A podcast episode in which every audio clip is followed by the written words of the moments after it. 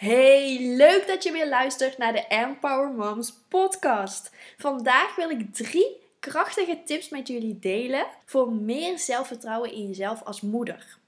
Want we zien onszelf vaak heel anders dan dat anderen ons zien. Vaak hebben wij het idee dat we soort van gewoon normaal doen, dat we ons ding doen, dat we niet echt bijzonder zijn. En als iemand dan tegen je zegt dat je het fantastisch doet of dat je bepaalde dingen zo goed aanpakt, dan voelen we ons enorm gevleid. En ik had laatst een berichtje gekregen van iemand die een masterclass van mij had gevolgd.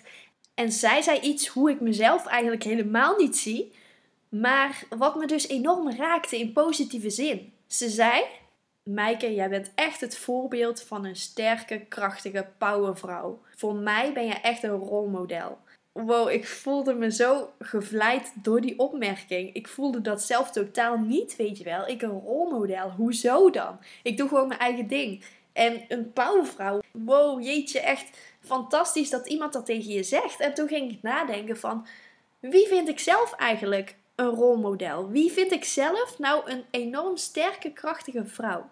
En wat maakt dat ik die persoon zo krachtig vind?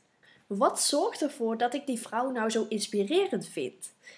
En eigenlijk kwam ik op een aantal dingen uit. En vandaag ga ik die drie dingen met jullie delen. Dit is gewoon mijn mening. Hè? Ik bedoel, als jij er anders over denkt, dan kan dat natuurlijk. Maar wat voor mij een krachtige vrouw kenmerkt, is dat ze bijvoorbeeld kwetsbaarheid toont.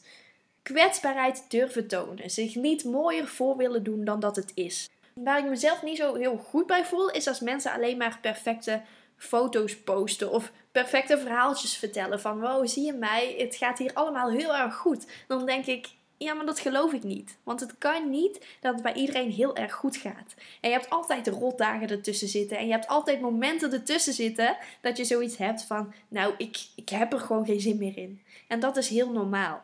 En juist door die kwetsbaarheid te tonen, ik probeer het zelf ook steeds meer te doen, maar juist door die kwetsbaarheid te tonen, maakt het voor mij dat ik jou een krachtige vrouw vind. Dat ik jou een krachtig persoon vind.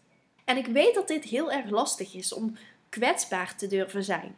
Dat we het lastig vinden om onze onzekerheden te delen met anderen. Dat we het lastig vinden om dingen te delen die niet heel erg goed gaan ik probeer me jezelf steeds meer bewust van te zijn. Van wat wil ik met jullie delen op mijn social media bijvoorbeeld. Wat laat ik zien van mijn privéleven.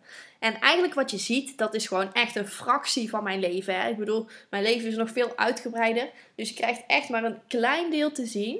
Maar ik kies wel bewust wat ik wel en niet laat zien. En de laatste tijd probeer ik me juist meer te focussen op de dingen waar ik zelf mee worstel. Op de dingen die misschien niet heel erg goed gaan. Want dat vind ik zelf ook leuk om te volgen bij anderen.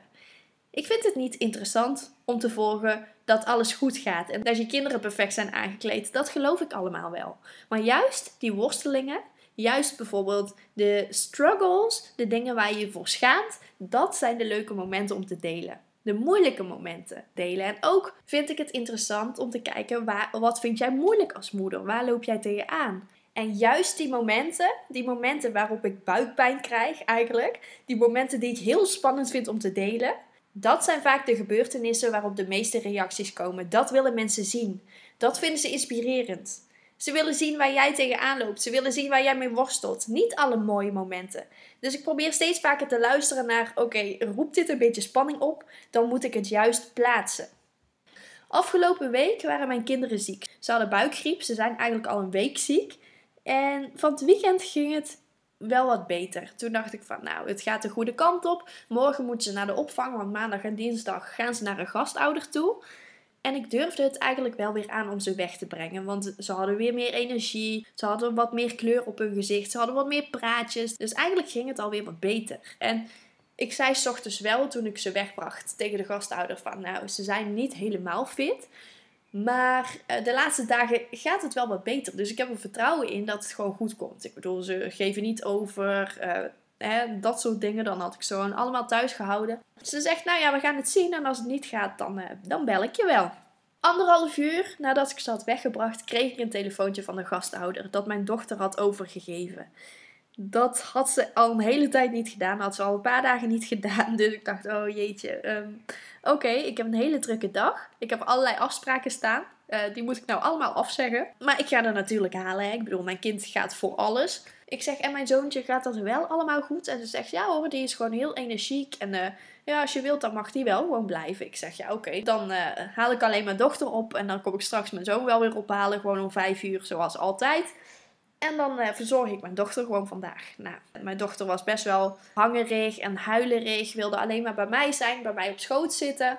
Ze wilde alleen maar met mama knuffelen. Zei ook de hele tijd: Ik wil met mama knuffelen. Echt met zo'n zielig stemmetje, weet je wel. Alsof er iets heel ernstigs aan de hand is. En ik snap het ook wel. Als je ziek bent, dan wil je gewoon lekker met je mama knuffelen. Tuurlijk is dat gewoon fijn. Dus ik heb hem gewoon op de bank neergezet. Met wat fruit erbij, wat drinken erbij.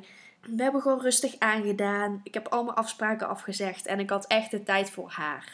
Eigenlijk die ochtend dat ik opstond en ze dus naar de opvang bracht met het idee van oké, ze gaan echt een dagje weg. Ik kan aan mijn werk. Toen was ik enorm opgelucht. Want na dagenlang zieke kinderen in huis, dan heb je behoefte aan iets anders. Ik krijg er geen energie van om de hele dag Jokie en Jet te kijken.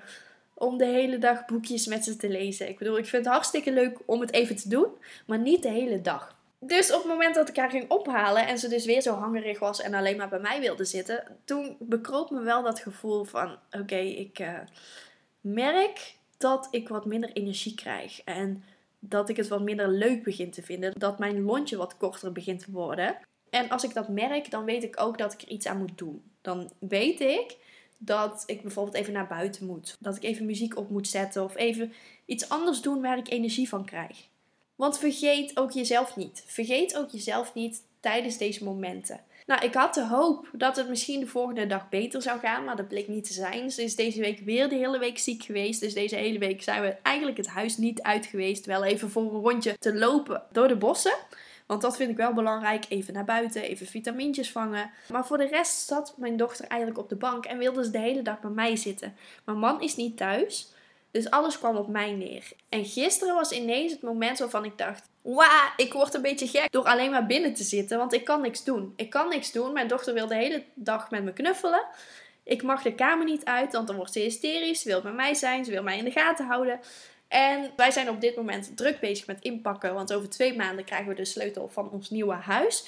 Ondertussen moet het huishouden dus ook op orde zijn. En je kunt je voorstellen met buikgriep en dat alles er van boven en onder uitkomt. Dat de wasmand uh, uitpuilt en, en dat er dus ook niet al te lang kan blijven liggen, want het gaat lekker stinken. Dat hier dus ook best wel genoeg te doen is. En ik merkte gisteren aan mezelf dat er een soort van Cruella de Vil door werd.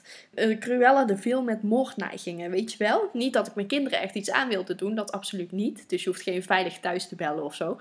Maar ik merkte aan mezelf, ah, weet je, ik, ik heb iets anders nodig. Ik moet even mijn aandacht op iets anders richten. In plaats van alleen maar op de bank zitten met Jokie en Jet. En dat soort dingen deel ik juist met mijn volgers op Instagram en Facebook. Mocht je me trouwens willen volgen, je kunt me vinden op Empower Moms Coaching.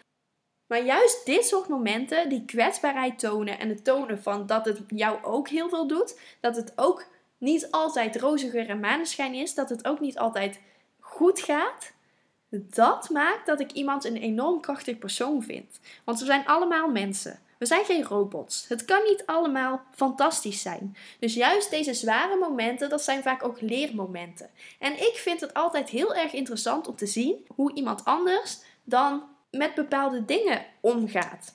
Dus de eerste tip is toon je kwetsbaarheid. Durf jezelf kwetsbaar op te stellen. En eigenlijk hoort daar ook de tweede tip meteen bij. Want iedere vrouw is wel eens onzeker. Dus spreek dit ook uit. Spreek die onzekerheid uit. Af en toe weet ik het ook niet als moeder. Hè. Af en toe denk ik echt van, nou, ik word helemaal gek van je als je weer in een sprongetje zit. Of als ik negen keer per nacht mijn bed uit moet, wat geen uitzondering is nu mijn dochter ziek is.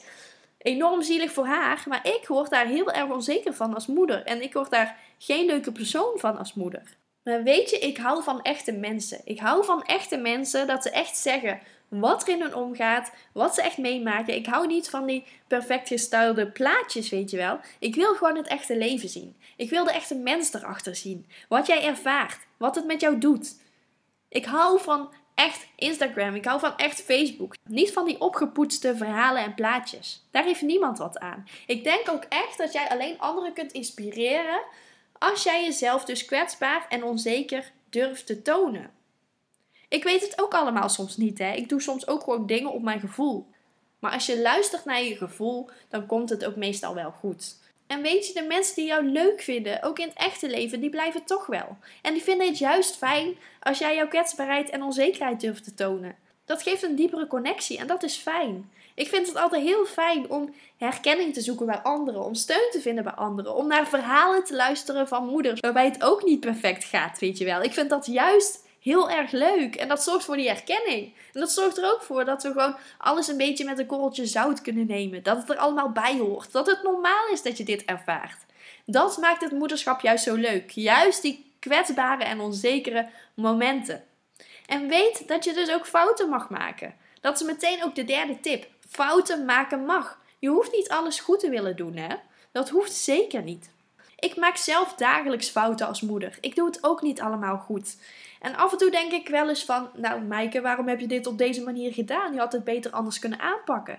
Weet je, ik heb al die kennis wel, hè. Ik heb die psychologische kennis wel. Ik weet precies hoe ik mijn kind kan toespreken, zeg maar, op een psychologisch verantwoorde manier. Maar denk je nou echt dat ik altijd op die manier tegen mijn kinderen praat? Nee, natuurlijk niet. Soms vloept er ook wel eens iets uit. En dat is gewoon menselijk. En achteraf denk ik dan ook van, nou moest het nou echt op die manier? Dat had je echt beter anders kunnen zeggen. Of als ik zie dat mijn kind er, uh, er enorm verdrietig door wordt, dan denk ik van, nou misschien had je het toch beter uh, anders aan kunnen pakken. Maar ook dat zijn leermomenten, hè. Juist door fouten maken creëer je leermomenten. Je leert van alle fouten die je maakt. En dan nog, eigenlijk weet je, fouten maken. Ik hou niet van dat woord fouten. Je doet het niet fout. Het is geen fout. Het is gewoon een leermoment. Dus pak dat moment om het de volgende keer anders te doen. Zie het als een soort van feedbackmoment. Zie het als een soort van stommiteit. Als ik mijn kind vast heb op de trap en ik neem de bocht te kort, waardoor mijn kind met zijn hoofd tegen de muur aanbotst, voel ik me enorm schuldig. En natuurlijk vind ik dat erg als mijn kind met zijn hoofd tegen de muur bonkt. Maar achteraf, als het allemaal goed is en mijn kind niet meer huilt, dan kan ik er ook wel om lachen. Dan denk ik van, nou ja, dit uh, hoort ook wel bij mij, weet je wel. Af en toe ben ik gewoon lomp. Dus fouten maken, dat mag. En juist als we dit meer delen, juist als we die fouten ook meer gaan delen, dat maakt iemand voor mij een krachtig persoon. Dat maakt iemand voor mij een sterk persoon. En juist daarom probeer ik op Facebook, Instagram en ook in deze podcast de echte verhalen te vertellen. Te vertellen hoe het er daadwerkelijk aan toe gaat. En dat het niet allemaal fantastisch en perfect is, want dat is gewoon niet zo. Ik wil jullie enorm bedanken voor het luisteren. Mocht je meer willen weten over mij of wil je weten wat ik voor jou zou kunnen betekenen, ga dan naar empowermoms.nl en tot de volgende keer.